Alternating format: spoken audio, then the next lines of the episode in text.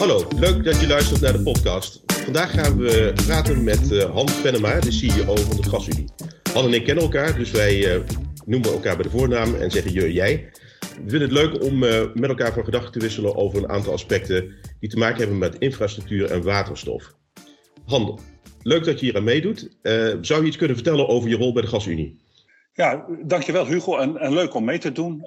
ik ben in 2014 begonnen bij, bij Gasunie. Uh, en misschien was, was, dat wel een bijzonder moment in de tijd. Want uh, in 2013 was het CER-energieakkoord afgesloten. En daar speelde de aardgassector helemaal geen enkele rol. Nou, dat kende ik niet. Ik, ben, ik heb lang in de aardgassector gewerkt, in de energiesector. En de aardgassector was in Nederland altijd wel belangrijk. Dus eigenlijk waren we toen als gasunie gewoon gemarginaliseerd. Uh, in, in, het nieuwe, in de nieuwe fase van de energietransitie. Nou, en daar hebben we denk ik als gasunie hard aan gewerkt. Dus enerzijds om gewoon het net onze infrastructuur betaalbaar en betrouwbaar te houden en veilig eh, te houden, maar anderzijds ook om een nieuw perspectief te creëren. Ja, wat kunnen wij nu met onze kennis, met onze vaardigheden, met onze assets bijdragen aan, aan de energietransitie?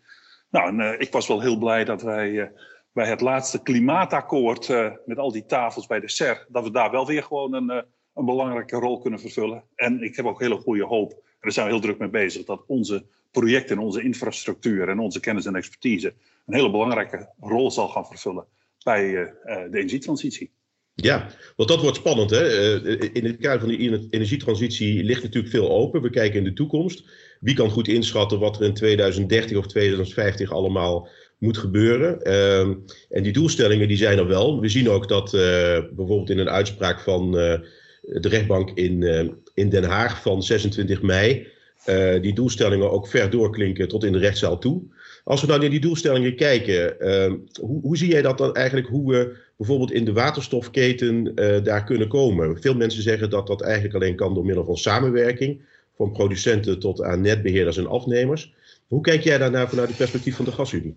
Ja, daar ben ik het helemaal mee eens. Uh, allemaal discussies geweest de afgelopen tijd, maar eigenlijk iedereen is er wel over eens. Er moet gewoon een waterstofsysteem gewoon in Nederland, in, in de hele westerse wereld gaan komen. Wat dan een CO2-neutrale energiedrager is in plaats van aardgas. Als je aardgas verbrandt, komt er altijd CO2 vrij. Als je waterstof verbrandt, dan komt er geen CO2 vrij. Dus dat is energie-neutraal. Uh, en waterstof kun je ook heel goed gebruiken in de, in de chemische uh, processen. Maar ja, dan, dan loop je heel snel tegen dat kip-ei-probleem aan. Van ja, waar begin je en, en waar is vraag en waar is aanbod? Uh, wij pakken dat nu zo aan in Nederland uh, dat wij zeggen van ja, er moet een waterstof uh, ja, rotonde komen, een waterstofnetwerk komen. Maar waarschijnlijk het eerste zien we gewoon vraag en aanbod ontstaan in de Rotterdamse haven. Dus daar beginnen we eigenlijk met een, met een kleine stuk van de infrastructuur. Het tweede zien we waarschijnlijk in Noord-Nederland. En dan gaan we tot 2030 zeg maar alle industriële clusters in Nederland met elkaar verbinden. Dat is nu het, nu het plan. Nou, het klopt, daar heb je gewoon vraag en aanbod voor nodig. Daar heb je, denk ik, ook gewoon de overheid voor nodig, die een aantal uh, ja, klanten toch wat zal moeten uh, faciliteren. We zullen uh, windparken op zee moeten bouwen waar we gewoon die, die waterstoffen kunnen gaan maken. Nou, die windparken op zee die moeten dus dan niet meer elektriciteit produceren, maar die moeten eigenlijk alleen maar elektriciteit produceren. Ja, dat moet allemaal bij elkaar komen. Nou, daar hebben denk ik, eh, zoals ik zo net al zei, in dat klimaatakkoord hebben veel partijen veel met elkaar om de tafel uh, gezeten en elkaar weten te vinden. En uh, ja, nut en noodzaak van dit elkaar wel weten te overtuigen. Maar dat moet allemaal bij elkaar komen de komende jaren. Dus dat is een enorme uitdaging. En, en ontzettend leuk om zo ons land weer ja, een stimulans te geven voor de toekomst. Ja, dat kan ik begrijpen. En ook om, om zo dichtbij daar te staan en met allerlei partijen te moeten samenwerken. Ook partijen die je misschien van nature niet direct uh, hebt gevonden. Maar die nu voor de energietransitie en met name in die waterstofketen opeens heel belangrijk worden. Ja, ja dat klopt. Uh, bijvoorbeeld één partij waar we nu heel veel mee samenwerken, GasUnie, is, is. Ook gewoon een infrabedrijf. Tennet doet de elektriciteit. Uh, GasUnie doet, doet aardgas en meer, meer, meer de moleculen. Ja, vroeger zagen we die eh, af en toe gewoon nog bij onze gezamenlijke aandeelhouder, het ministerie van Financiën, als een dividend brachten. En nu doen we heel veel gezamenlijke studies. Hoe, hoe ziet het energiesysteem voor de toekomst uit? En dan wordt er samenspel tussen elektronen en moleculen. Met conversie tussen die elektronen en de moleculen. Waar kun je dan die conversie het beste bouwen? Wat voor marktmodel is daarvoor nodig? Hoe komen we aan groene moleculen? Dat is bijvoorbeeld iets waar Tennet en GasUnie samenwerken aan het uh, programma Noordzee Wind Power Hub. Hoe kunnen we de Noordzee als een soort uh, ja, powerhouse voor Noordwest-Europa. Hoe kunnen we die ontwikkelen? Maar hoe doen we dat op een slimme manier? En hoe doen we het bijvoorbeeld als er een windpark in, in Duits, op Duits territoriale wateren wordt gebouwd, maar de stroom wordt afgevoerd naar Nederland? Nou ja, moet daar dan subsidie bij? Wie betaalt die kabel? Hè, allemaal dat soort internationale aspecten komen daar ook bij vorm. Dus ja, dat is inderdaad nieuwe partijen waar we mee samenwerken. En bovendien, voor die energietransitie worden enorme investeringen voorzien. Hè?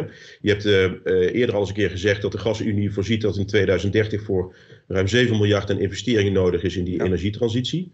Dat betekent ook dat, uh, dat al misschien wat keuzes moeten worden gemaakt. En die waterstofbackbone waar je het over had, en dat netwerk van waterstofleidingen die alle industriële clusters in Nederland van waterstof moet voorzien. Uh, daar worden dus nu ook al keuzes gemaakt. Want je begint eerst met de importterminals in de grote havens. En daarna ga je door richting uh, afnemers. Um, maar hoe, hoe, zie, hoe, zie, je dat eigenlijk uh, als het gaat over waterstof en het, het, kiezen tussen de beschikbare middelen? Want waarschijnlijk is niet alles nodig. Hoe, hoe, moet, moeten we daar een keuze in maken? Ja, ik, ik denk dat we in Nederland een, een, een, hele bijzondere situatie hebben. Qua, ligging, maar ook, ook qua, qua qua industriële context. Qua ligging zitten we gewoon aan de Noordzee. En de Noordzee kan zeg maar gewoon voor, voor wind op zee toch een hele belangrijke rol gaan spelen in uh, het creëren gewoon van, van waterstof. Hè? Dat maak je van stroom en die stroom via elektrolyse maak je er gewoon waterstof van. Dus we hebben daar een enorm potentieel uh, aan, in de Noordzee om gewoon waterstof te maken. het tweede, we hebben heel veel industriële clusters die relatief dicht bij elkaar zitten. En al die industriële clusters die zijn bezig met verduurzaming. Nou, we hebben uh, uh, 26 mei hebben we die uitspraak gehad van, uh, van Shell. Daar zal wel een hoger beroep volgen. Maar je ziet onmiskenbaar gewoon heel veel druk vanuit de samenleving, ook op de industrie, om gewoon projecten te verduurzamen. Hè? Gisteren was dat nieuws van Shell. Ik heb zelf nog een achtergrond bij ESSO. En ik begreep gisteren dat er ook gewoon twee mensen van een of andere NGO in de supervisory board van ESSO waren benoemd. Hè? Dus je ziet het niet alleen in Nederland, je ziet het gewoon in in de hele wereld. Nou, ik denk dus dat die waterstof, die kan heel goed gebruikt worden om ook in die industriële complexen, om daar gewoon te verduurzamen en daar de CO2-voetafdruk uh, te verminderen. Nou, omdat wij veel industrie hebben, uh, uh, hebben we ook gewoon veel infrastructuur. En het, het voordeel van die gasinfrastructuur van, die, die wij hebben, is dat die voor een deel overbodig gaat worden omdat we gewoon niet meer gas exporteren en omdat de vraag naar gas het afneemt. En dat is een soort unieke situatie in Nederland, waardoor wij een deel van onze gas, aardgasinfrastructuur kunnen ombouwen naar waterstof. Voor relatief heel weinig geld. Wij kunnen ja, zo'n 80% kunnen wij gewoon gaan hergebruiken. Dus eigenlijk voor relatief weinig, weinig infrastructurele uh, kosten kun je gewoon een waterstofinfrastructuur maken. Dus wij kunnen eigenlijk, we hebben de waterstof kunnen we relatief eenvoudig maken op de Noordzee. We kunnen gewoon de industriële clusters met elkaar uh, verbinden. In die industriële clusters zijn de industrieën die, die willen verduurzamen. Die zullen daar wat geholpen mee worden, uh, wellicht door de, uh, door, door de groene fondsen vanuit Europa. Maar die worden ook gewoon sterk gestimuleerd voor de samenleving en, en de rechter.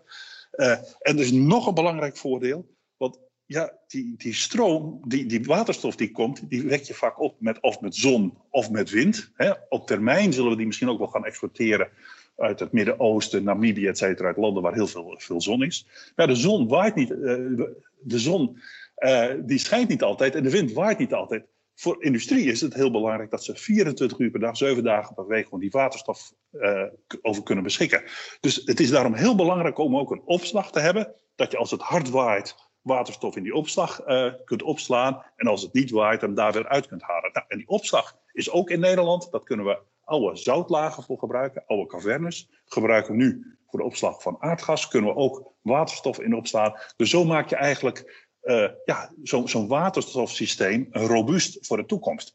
Ja, dan denk ik met deze unieke factoren die Nederland heeft ja, dan moeten we daar als, als land op inzetten. Dan moeten we zorgen dat we onze industrie verduurzamen. Dat is uiteindelijk ook weer ja, heel belangrijke werkgelegenheid. Uh, enorm veel toeleverende industrie en, uh, en diensten. Ja, dat is waar Nederland altijd gewoon zijn boterham mee heeft verdiend. En we hebben eigenlijk alles in huis om dat gewoon in Nederland als een van de beste landen in, in Noordwest-Europa uh, te kunnen. Dus jij zegt eigenlijk, wij worden van Nederland waterland naar Nederland waterstofland.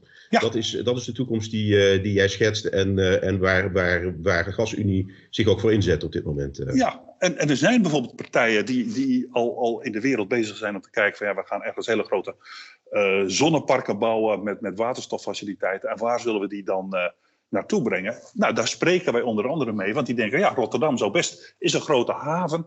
En ja, GasUnie is daar, dus ja, we kunnen dan die infrastructuur van GasUnie gebruiken om die waterstof.